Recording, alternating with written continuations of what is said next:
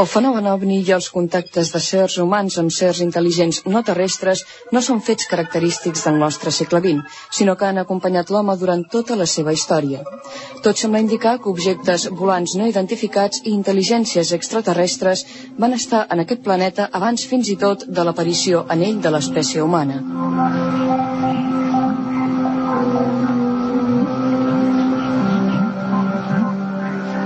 Dels testimonis ovni més importants que ens ofereixen els textos antics és sens dubte el relat recollit a la Bíblia que ens va deixar el profeta Ezequiel de la visió que va tenir d'una màquina volant fa dos mil anys. Ezequiel ens explica en els textos bíblics que a vora el riu Quebar, a prop de Babilònia, va entrar en contacte directe amb una màquina volant i amb els seus tripulants. La procedència terrestre d'aquella màquina voladora no és defensable en absolut. Es tracta del relat del descens d'un aparell volant que es dirigeix fins al lloc on es troba Ezequiel, s'hi atura al costat i en aquell moment un dels seus tripulants, o potser l'únic, es dirigeix al profeta per tenir-hi una conversa. L'estudi més seriós i autoritzat de tots els que s'han fet del fenomen observat per Ezequiel és sens dubte el que va fer Joseph Blumrich, una reconeguda autoritat científica en el camp del disseny de naus espaials. A partir de 1959 treballa per l'Agència Espaial Nord-Americana NASA a la construcció de coets. Va ser l'enginyer en cap de l'Oficina de Construcció de Projectes i té la medalla per serveis excepcionals de la NASA. Amb un declarat esperit de crítica, Blumrich es va fer el propòsit de rebatre definitivament la possibilitat de visites extraterrestres al nostre planeta però al llarg de la seva labor de documentació per aquest fi li va començar a picar la curiositat, va començar a vacilar i no va resistir finalment la temptació d'analitzar amb el seu bagatge dels seus coneixements científics i amb el seu aval d'enginyer en cap, repetim, de l'Oficina de Construcció de Projectes de la NASA, la versió de la seva visió que ens va llegar Ezequiel. El resultat de les seves investigacions va ser no solament l'afirmació rotunda i categòrica que Ezequiel va veure efectivament una nau espaial, sinó la seva descripció total i detallada. Blumrich afirma que va trobar tots els elements pel redisseny de l'aparell en els textos bíblics. El cas d'Ezequiel no és l'únic que ofereixen els textos sagrats. El Zohar és la versió escrita de la Càbala, i en els seus textos figura la descripció material d'un ser o d'una cosa anomenada el Venerable Vell. Doncs bé, dos enginyers de construcció anglesos, George Sassoon i Rodney Dale, van presentar l'any 1979 al Congrés de l'Ancient Astronaut Society, celebrat a Munic, els seus complicats estudis i la seva conclusió àmpliament documentada, segons la qual el venerable vell era una màquina que fabricava i expandia el manà, producte resultant de la transformació de la clorel·la, una diminuta alga verda unicel·lular. El manà va ser l'aliment que des del cel va repartir la divinitat entre els fills d'Israel quan, guiats per Moisès, fugien dels egipcis i durant 40 anys van caminar pel desert buscant la terra promesa. D'això fa uns 3.500 anys. La presència d'una màquina semblant en aquella remota època no es pot atribuir a l'home. Algú més es movia per la nostra atmosfera amb coneixements tecnològics força superiors als dels habitants terrestres d'aquell temps. Són solament dos exemples d'una llarga llista de fenòmens atribuïbles a una tecnologia superior a la humana que estan presents en els textos bíblics i en els textos i llegats d'altres religions o creences arreu del món.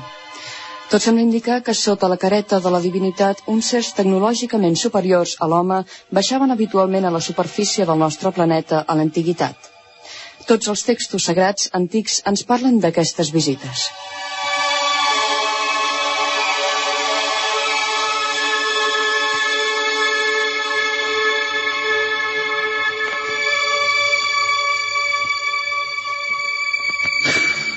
Com podeu pensar, avui parlarem del fenomen religiós, concretament del cristianisme i la seva vinculació amb objectes volants no identificats o amb éssers extraterrestres o a l'inversa. Per parlar d'això tenim aquí a l'estudi els següents dos convidats.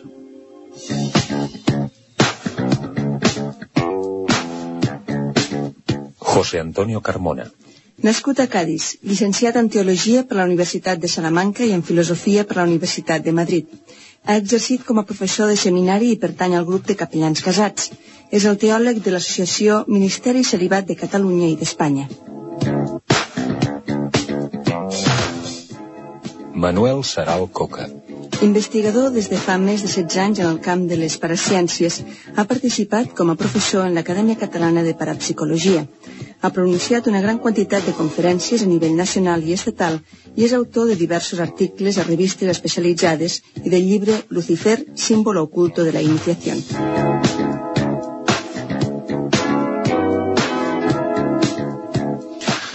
Bona nit, eh, José Antonio Carmona.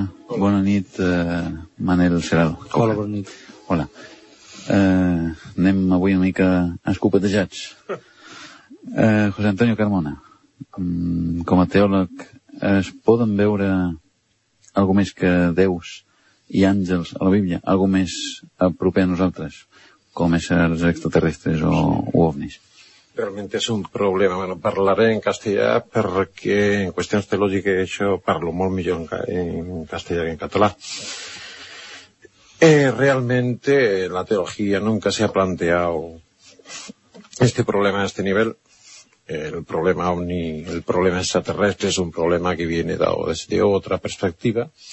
La aceptación o no aceptación de esta realidad lo único que puede es dar una nueva interpretación, una nueva hipótesis, una nueva forma de ver una serie de hechos efectivamente contenidos en los relatos bíblicos que también a través de la historia de la teología han tenido diversas interpretaciones en función de los conocimientos que la humanidad tenía en esos momentos. Mm. Vol dir que la moderna teologia eh, no descarta aquesta publicitat, ni, ni interfereix. Ni interfereix, no tiene mm. res que veure absolutament mal. Bueno, es, si no te res bueno, que veure...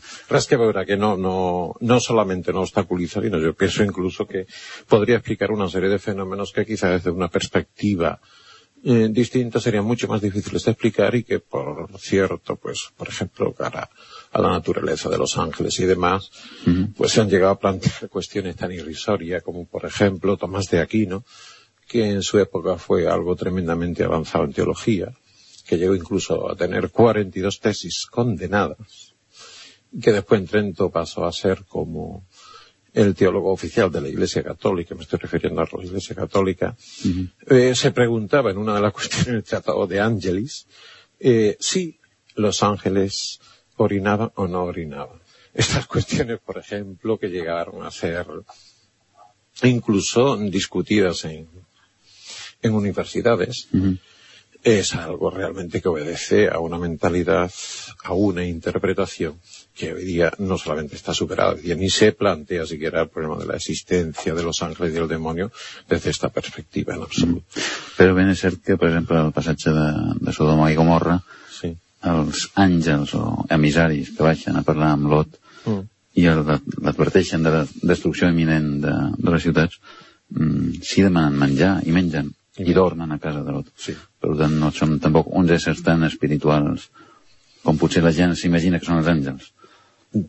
Pues sí, realmente, bueno, es que incluso esta interpretación de los ángeles eh, como seres espirituales que empiezan en el pseudo Dionisio en el siglo IV, aprovechando una serie de teorías precisamente de Plotino y demás que luego transforma va, la escuela agustiniana coge una manera de pensar la escuela tomista escolástica coge otra y demás. Evidentemente son interpretaciones como he dicho que no no responden ni mucho menos a todos los problemas que por otra parte son totalmente secundarios, que no son el núcleo de, de un planteamiento teológico ni de una fe en Cristo y a partir de Cristo, ni mucho menos, pero que realmente, pues, en el caso, por ejemplo, de los emisarios a Abraham y que llegan a Sodoma y Gomorra, que comen y beben y demás, es que se, se admitía totalmente en teología una materialización de lo espiritual y de lo angélico. Uh, Manel. Sí. Uh, acaba de dir uh, Juan Antonio Carmona Mm. que els àngels i el diable, la figura del diable, la moderna teologia ja no el contempla. Jo sé que a tu t'agrada molt el tema del, del satanisme o... No, del diable, el Del diable, satanisme sí. no.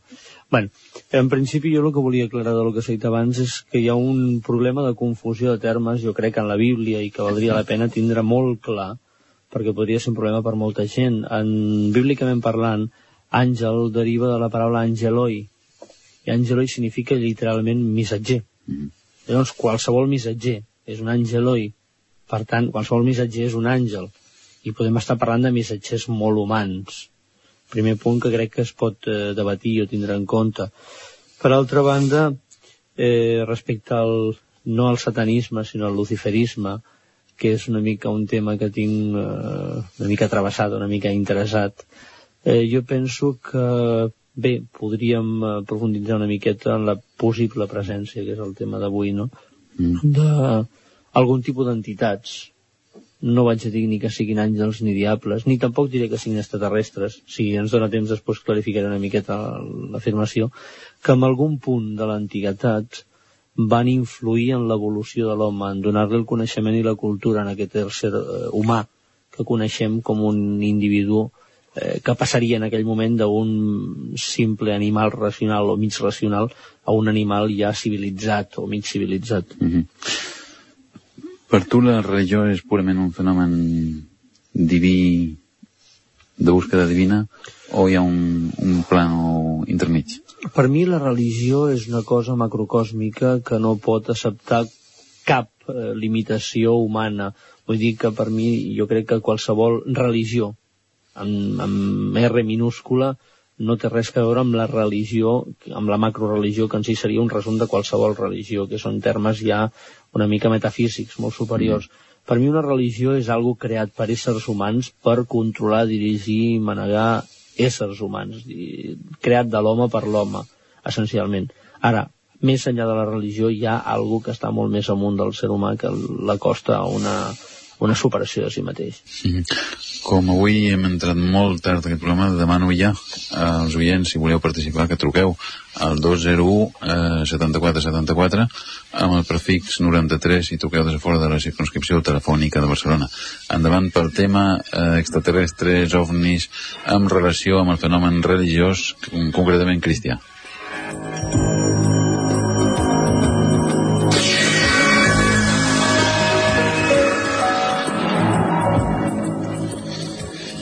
Bé, continua. Bueno, jo el que et volia comentar respecte al, al dimoni del que parlàvem abans, sí. eh, hi ha un personatge curiós dintre de la Bíblia, que és en, en Lucifer, que li donen als homes el coneixement a través de l'arbre, la, de del fruit del bé i del mal. Eh, hi ha un element molt curiós en les tradicions antigues, i és que la serp, o els déus serp, uh mhm. -huh. apareixen en numeroses tradicions com una sèrie de, de sers o d'entitats que van eh, aproximar-se a l'home en un moment determinat del passat. Curiosament, alguns investigadors situen aquest moment aproximadament sobre el 3.500 abans de Crist, mm. i li van donar uns coneixements pels quals eh, de moment no tenia desenvolupats, i llavors a partir d'aquests coneixements es va desenvolupar una transformació o un canvi en la ment humana. Llavors tenim, per exemple, entre els Dogon, que és una tribu quasi primitiva que habita eh, pel nord d'Àfrica, que recordar, a la República de Mani. Eh? Llavors aquesta tribu no coneix pràcticament res, és a dir, són, mm. són molt primitius, i en canvi coneixien tot el moviment del sistema solar de Sirio, sí. i Sirio B, inclús una, una gemela de Sirio, mm -hmm. deia que només s'ha descobert en el present segle. Llavors aquests senyors van ser instruïts per un déu peix, o déu serp, mm -hmm. que es deia Nomo. És curiós. Més curiós quan, per exemple, els assiris parlaven d'Oanes, que era també un, un, un home peix o un home serp, un déu serp, que procedent del mar els hi va donar la civilització, el coneixement i la cultura. De la mateixa forma, els babilonis també parlen d'un déu serp, o un déu peix, que era Dogon, mm -hmm. perdó, Dagon, eh, emiliat amb els Dogons, que també els va donar el coneixement i la cultura. Mm -hmm. Paral·lelament, si ens trasladem a Xina, els antics déus eh, dracs, que són serps voladores, eren els portadors dels coneixements de l'antiga Xina. Paral·lelament a la Índia, eh, Buda va donar alguns seus llibres sagrats que no es podien revelar als homes, en els nagas, que eren els homes serps que vivien en, les, en, eh, en els llacs. I llavors els nagas van donar-li aquests coneixements a Nagarjuna, que és un equivalent a l'Hermes Trismegisto eh, occidental. I llavors Nagarjuna era el dominador dels nagas.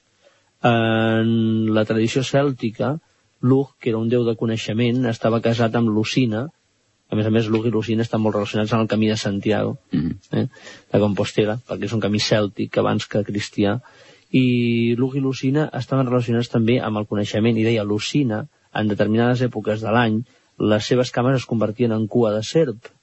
Per altra banda, eh, entre els azteques, estic parlant de llocs molt diferents del globus terraqui, el déu eh, il·luminador de sapiència era aquest falcó alt, que era la serpa emplomada. D'alguna forma, per mi això em va intrigar moltíssim, dèiem, en relació amb, el, amb el, aquest diable serp del que parlava, dir, com si en algun moment determinat eh, algo relacionat amb la imatge o el símbol de la serp hagués connectat amb l'home i li hagués donat un coneixement especial pel qual no estava preparat mm. fins a aquell moment. Sí, i a Austràlia recordo que ho vam dir també amb aquest, amb aquest programa, també els aborígens diuen que els seus déus es van transformar en una serp, al mm. final hi van entrar en un, en un llac per desaparèixer en aquest llac. I al Pacífic, per exemple, a Micronèsia, la serp està simbolitzada pel, per l'anguila eh, aquàtica. I tornem a tenir l'aigua i, la, i la serp combinats. Molt bé, em diuen que estan les línies telefòniques ocupades. Molt bé, això és un triomf sobre el futbol. En Joan Maria Tarragona preguntava per l'enviado Juan José Benítez eh, que, bueno, que quina opinió ens mereix i si la projecció mental pot ser tan forta com per creure que, que has topat amb, amb un filó d'aquests. Bueno, yo desde la perspectiva mía, aparte de la amistad personal con Juanjo, evidentemente. Precisamente cuando leí el libro de enviado aún no conocía yo a Juanjo. Entiendo que el, el enviado efectivamente es un libro francamente serio, en la que se describen con bastante claridad y demás una serie de estudios sobre la sábana santa de Turín que realmente te dejan un poco perplejo. El problema de la proyección mental podéis hablar, tú en concreto puedes hablar con más exactitud que yo. Ahora, lo que sí puedo decir es que desde el punto de vista teológico encaja totalmente y sin ninguna problemática en una visión auténtica de fe en Jesús y de, mm. de fidelidad a, a un mensaje. Un mensaje en definitiva es esa religión cósmica y universal que realmente, que decías tú, Manel, Sí, vale. Mm, decías que realmente es la que recoge, estabas diciendo palabras de Taylor de Chardin, a mi juicio, eh, recoge la realidad cristocéntrica, o sea, la realidad cósmica universal que camina toda hacia esa energía, hacia esa verdad, hacia el Padre, nombres que nosotros podemos dar y que efectivamente que todas las religiones con minúscula, en buena parte, cuando no, en su mayoría o en su totalidad, son una creación humana de dioses que nos inventamos. Y Jesús viene precisamente a eso, y el enviado creo que clarifica bastante, o al menos intenta poner algunos pasos. Jesús viene para que vivamos el camino hacia el Dios que es, hacia el Dios que se nos manifiesta, y no hacia el Dios que nosotros nos inventamos. Te cedo la palabra, Manuel. Gracias. No, yo simplemente quería hacer un comentario. Yo no estoy tan, tan de acuerdo. Bueno, estoy de acuerdo en la mayoría. Lo único que yo pienso que el libro de Benítez, como muchos de los libros de Benítez, son novelas que juntan una buena cantidad de informes verídicos o de informes analizados al menos con una gran cantidad de imaginación que le da un argumento de base. Entonces, claro, el gran peligro es que una persona lea una de estas obras y tome esas obras literalmente, como a mí me ocurrió una vez cuando leí el, enviado concretamente, que fue el primer libro de Benítez que leí, y me exasperó muchísimo. Me exasperó porque, bueno, conozco un poco todos los fenómenos de la proyección mental y no creo en la capacidad de alcanzar un nivel de proyección mental suficiente, si no es en un estado místico, como para alcanzar ese tipo de vivencia con los fenómenos de la crucifixión. Más bien creo que esto para mí es un relato a posteriori, tomado a partir de lo que creemos que fue la visión de Cristo y narrado como algo real. Eso es peligroso para un público, sobre todo para un público no preparado porque puede interpretarlo como auténtico en su totalidad. Insisto, para mí es una novela. Bueno, mm, no vamos a meternos aquí, pero de todas maneras, o sea, lo que es a un nivel histórico, esto mismo sucede con la Biblia y sucede con muchos libros. Cuidado, no interpretemos la historicidad como una ciencia a la que nos estamos acostumbrando más o menos, sino como un relato que tiene de leyenda, de novela, de mito, de símbolos, Sí, no, pero que va que va al fondo de la Sí, no, realidad. que de acuerdo, no, lo que ocurre es que para mí lo peligroso es explicar. Yo he estado allí, lo he visto. Eso es lo peligroso, sobre todo si uno no deja claro antes que esto es un relato, no un auténtico hecho Bueno, ¿Estás hablando del enviado o de caballo? del enviado, del enviado concretamente. Sí, però molts lectors eh, reprotxen això a, a en Juanjo Benítez amb, amb el cavall de Troia també, sí. Sí. Bé, hauríem de tenir el Juanjo aquí per, Sí. per preguntar-li. No, y además conociéndolo personalmente sabemos. També va preguntar Joan Maria de Tarragona sobre Nazca, ja li he dit que això parlarem passat demà, eh, que parlarem del tema d'Amèrica. Però en Manel serà el que vol afegir alguna cosa. Una puntualització molt ràpida. Eh, estem interpretant el fenomen ovni com procedent de l'espai exterior. Jo faria una puntualització eh, de cara a molts oients. Només és una pregunta oberta. Què passaria si en lloc d'estar parlant de sers que venen d'un eh, futur extraterrestre, eh, si estiguéssim parlant de sers que venen d'un passat terrestre? Concretament parlo d'Atlàntida. O sigui, molts dels fenòmenos de contactes amb aquesta intel·ligència superior podrien explicar-se des de la teoria atlàntida. Per exemple, tot el que parlava abans dels déus serps procedents del mar. D'això en I parlem, les línies de Nazca estan dintre d'això en d'aquest parlem també amb, amb els dies que ens queden de tema. programa. Parlem pregunta de, oberta, eh? Del tema de- d'Amèrica, per exemple, el tema de sota terra parlem, parlarem també. Molt bé, també mm, el mateix Joan Maria Tarragona preguntava per els maies i l'origen seu de, de Faetón. Que n'opineu? Se n'escapa d'aquest tema. No. No, no, ni idea, també. idea. Ni idea. Ni idea. Fora. Humilment, ni idea. Josep de de d'Olesa ens demanava si si hi ha, concretament a, a José Antonio Carmona, si hi ha pluralitat de mons habitats i més avançats que nosaltres, en teoria, què és el que diu el Vaticà? Sí, bueno, probabilidad. ¿eh? Hay un libro de Asimov, Civilizaciones extraterrestres, en el que a un nivel de estadística establece que estas probabilidades son de, de cientos de miles, como mínimos en nuestra galaxia.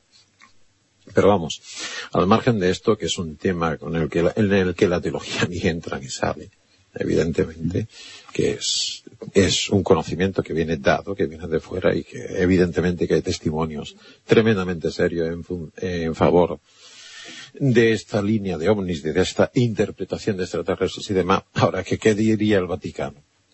Ojalá el Vaticano se anticipara alguna vez a la historia. Si siempre ha ido a rastro. És cert que Joan 23 tenia la segona part del missatge de Fàtima? Parlant del Vaticà? Bueno, se ha hablado de esto, sí. Me parece que sí, que, que es un hecho. Parece que sí. Que lo tenía, efectivamente. Però no s'ha filtrat. No se ha dicho nada de, de este asunto. Ahora, realmente, o sea, lo que sí me gustaría advertir es que la teología, por otra parte, no va a remolque del Vaticano, sino va abriendo caminos e incorporando el conocimiento humano. això es nota a Suïssa, no? sí, ¿verdad? Eh, evidente, el Vaticano tiene su misión correctora, su misión censora y demás, que lo ejerce de una manera u otra en función de, de su sentido del poder, pero en definitiva el Vaticano es una institución. Y la institución normalmente, aunque las necesitamos los hombres, normalmente entorpece el camino de los hombres. D'això està completament convençut en Freixedo, per exemple, sobre Freixedo que parlarem ara. sí. Eh, què anava a dir? Tant del tema de Fàtima. El tema de Fàtima segurament parlarem el divendres proper amb en Enrique Marín, que parla del fenomen ovni i, i religions, i potser que hi parlarem amb ell de Fàtima, que potser algú ha, de dir el tema. Eh, de Faeton i, i els maies, potser també parlarem mateix divendres i també el dijous que parlarem d'Amèrica. Eh, prego, Joan Maria, si encara estàs sentint el programa, penso que sí, mm, que tornis a trucar potser el dijous i el divendres que, que podrem contestar-ho. La Maria Teresa de Barcelona deman preguntava pels ovnis i les aparicions marianes, si tenen una relació. Qui vol contestar? ¿Vols dir algo, Manel? Home, jo tinc algunes coses que dir en aquest sentit, si em perdoneu. Sí, no, no, sí, en, tu- tu principi, en principi jo penso que no les aparicions marianes, sinó tot tipus d'aparicions o de visions a la llarga història de la humanitat ha tingut unes pautes idèntiques allò que es manifesta avui com a fenomen ovni. És dir, avui un ovni apareix una senyora de gran bellesa, generalitzo molt, i en casos de, de nans eh, de, de color verd i amb dos trompes en lloc d'orelles, però bueno, eh, apareix una senyora eh, de gran bellesa que surt d'una espècie de bola de llum que deixa un cercle en el terra i que crema casualment les plantes al voltant de tal cercle. Bé, normalment, a més a més, aquesta senyora connecta molt directament amb nens, això és un cas que va puntualitzar Freixedo també molt especialment, però si trasladem cap al passat aquesta mateixa visió, que avui és un extraterrestre procedent de Venus, era una imatge de la Verge Maria apareixent, per exemple, a Fàtima, on també apareixien les herbes cremades i el cercle més o menys eh, difuminat. I si ens trasladem en el passat, recordem que havia molts d'aquests casos de cercles de fades, mm. on les fades ballaven i deixaven també la marca de les herbes cremades i del cercle gravat al terra. D'alguna manera jo diria que hi ha un fenomen, hi ha un fenomen que es manifesta d'aquesta forma i que s'adapta a la mentalitat cultural del poble que l'està percibint. Llavors, per mi aquí està la meva gran pregunta al fenomen ovni. Si els senyors que ho veien com a verges com àngels o com a diables, perquè també se'n parla de boles de foc de les quals surten humanoides que fan olor de sofre. Uh -huh. L'olor de sofre està molt seguida entre el tema ovni, el sofre era típic del diable. Eh, si parlem de les verges, si parlem dels àngels, si parlem dels diables, si parlem de les fades, si parlem de visions pues, a Pales Atenea, de Venus Afrodita o de mil i una deesses i déus de l'antiguitat. Mm i avui parlem de certs d'una tecnologia avançada, la meva pregunta és si els antics s'equivocaven i ho interpretaven malament en funció de la seva cultura, no és possible que nosaltres ens equivoquem igualment i ho estem interpretant segons la nostra. És a dir, un exemple per mi clàssic és eh, el fet de que l'OVNI, l'objecte OVNI com a nau extraterrestre, uh mhm. -huh. s'ha anat transformant dintre del nostre segle mateix i l'investigador que no es doni compte d'això està, d'alguna manera, restant una part important de la realitat els primers somnis que es veien era aquella famosa nau espacial de 1908, em sembla recordar, no? Mm -hmm. la fetge exacta, sí. que era un ah, aparell tipus Julio Verne, no? Mm -hmm. tot ple de palanques i tuerques i mhm. cargols i coses d'aquestes, poblat no per extraterrestres, sinó per dos suposats científics francesos. hi una, una màquina de, a vapor volant. Exactament, i que, bueno, que després, segons anàlisis, s'ha arribat a la conclusió que allò no es podria aixecar mai a la vida. Uh mhm. -huh. Després van sortir els dirigibles fantasmes, quan va entrar l'època dels dirigibles. Després van sortir els Foo Fighters, o boles de foc. Uh. -huh. Després van sortir els plats voladors. Ara ja són completament aerodinàmics. El meu plantejament, i vull dir, clar, no, haguéssim necessitat molt més temps per, per desenvolupar-lo, però el meu plantejament és que el fenomen s'adapta a la mentalitat del personatge que el veu. Per tant, el fenomen no és allò que s'està veient. Mm -hmm. Per tant, una de dos. O el fenomen està d'alguna manera eh, canviant i no té res a veure amb un fenomen extraterrestre, almenys tal com ho entenem, o bé qui està darrere del fenomen ens està prenent el pèl. Mm -hmm. O també cap una possibilitat de que hi ha un fenomen desconegut amb el qual no tenim eh, punts de referència i cada època aplica la seva forma. Que, que té en aquell moment. Sí, sí, además en esto yo abundaría un poco porque efectivamente no, en lo de tomar el pelo, sinceramente creo que no. Pero,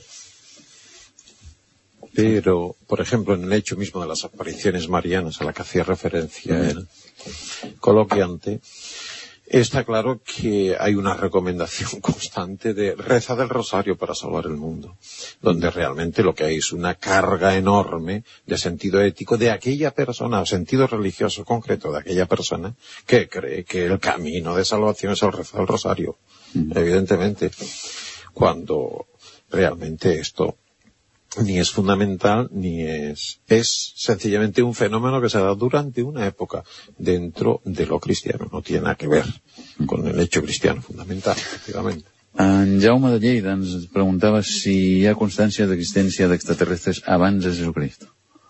Endavant, a Manel, vols contestar?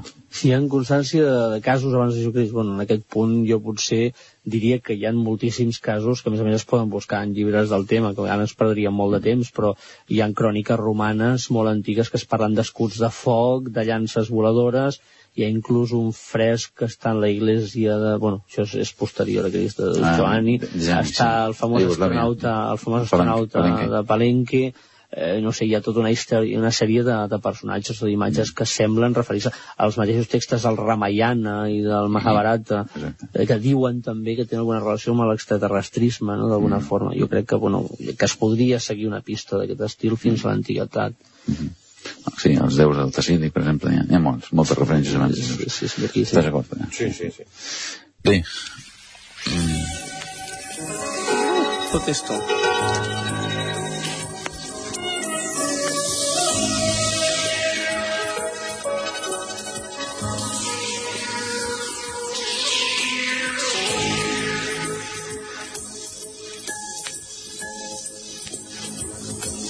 Bé, han quedat respostes totes les preguntes fins a aquest moment.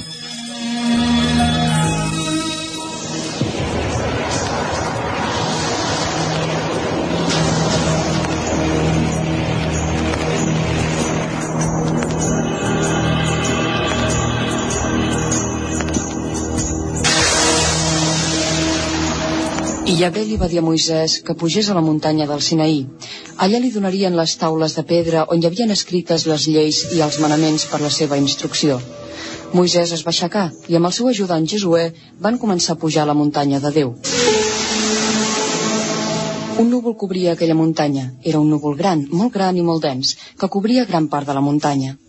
Un cop Moisès i Josué van arribar a dalt, es van trobar amb Yahvé i van estar junts durant 40 dies i 40 nits.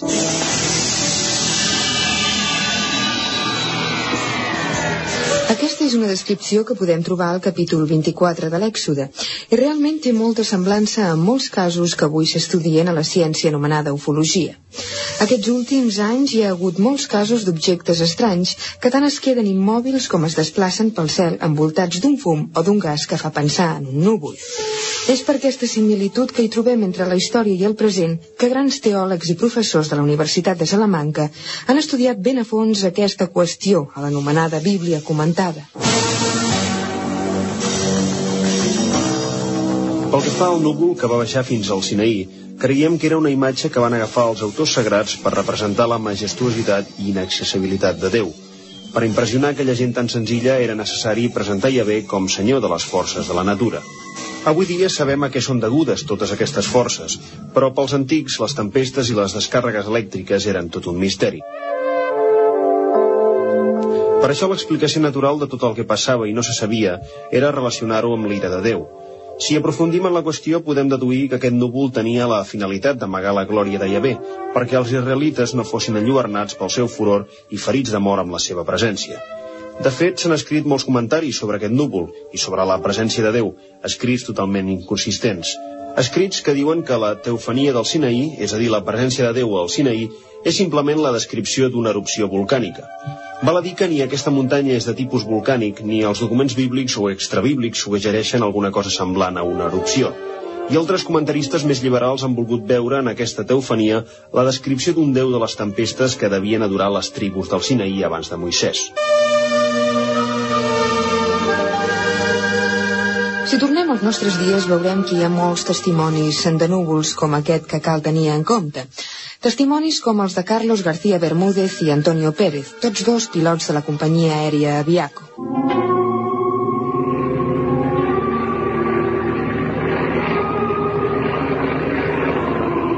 En Carlos i jo volàvem a plena llum del dia entre València i Bilbao. De sobte i a poques milles de Bilbao l'avió va entrar en un núvol solitari molt, molt brillant. A partir d'aquell moment i aproximadament durant uns 7 minuts, tot l'instrumental electrònic semblava com si fos boig. La ràdio va deixar de funcionar i ni nosaltres podíem rebre res ni podíem comunicar el que passava a la torre de control. La brúixola feia voltes sense parar i una cosa curiosa va ser que el compte milles es va parar i va començar a retrocedir com si el reactor volés cap enrere. Quan va arribar a zero, va continuar retrocedint fins a arribar a menys 9 milles. Per sort, quan vam sortir d'aquell núvol, tots els aparells es van posar a funcionar com ho fan normalment, i nosaltres continuàvem anant rumb a Bilbao.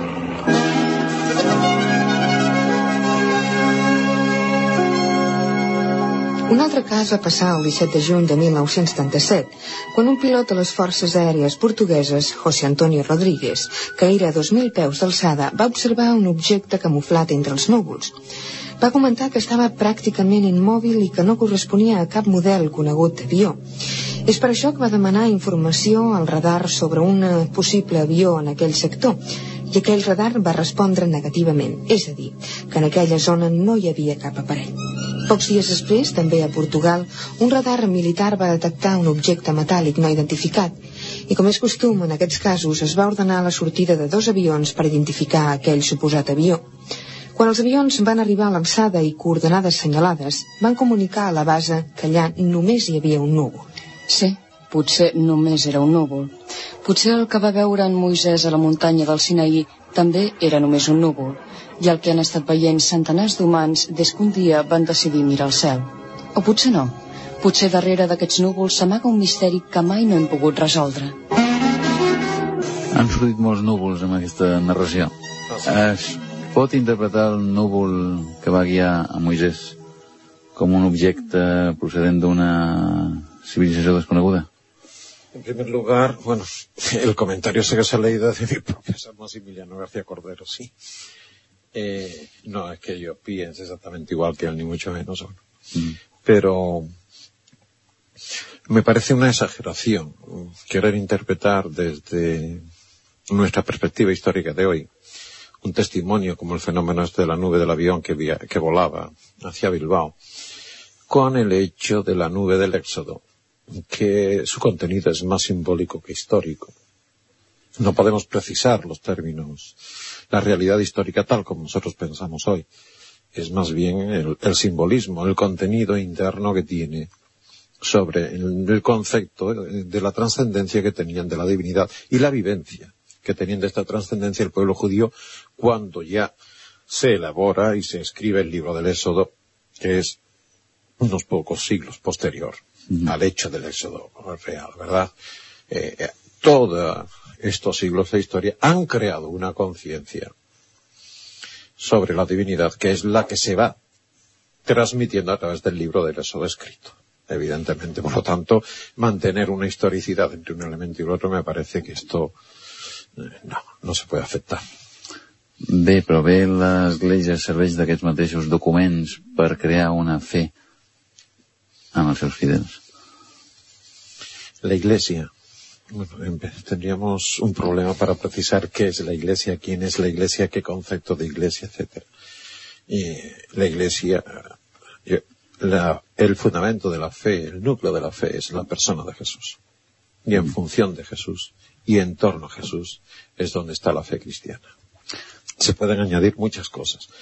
Y tan cristiano es el protestante como el ortodoxo como el cismático, y tan crístico, nos dirá Taylor de Chardin, es el musulmán, mm. o, o el ateo, que vive en una dimensión de búsqueda de la verdad, que es la dimensión fundamental que tiene que vivir todo hombre. Por eso hablaba yo. Estoy totalmente de acuerdo con los planteamientos de Manel en línea global. Por eso digo la Iglesia desde una fe realmente en la persona de Jesús y desde una vivencia de búsqueda sincera de la verdad, sin dogmatismos y sin a prioris, me parece que no se puede mantener una correlación de historicidad porque no la hay. Manel, serà. Bueno, jo volia fer una puntualització al marge completament de lo que s'estava comentant ara. En principi, per mi jo també hi ha, hi ha dues línies molt diferents de, de cristianisme. Una és l'autèntica i una altra és la política, per dir d'alguna manera. I jo penso que potser dintre del camp del que deia abans de la manipulació hi ha un punt molt important connectat amb el fenomen ovni que afecta el cristianisme polític. Mm -hmm.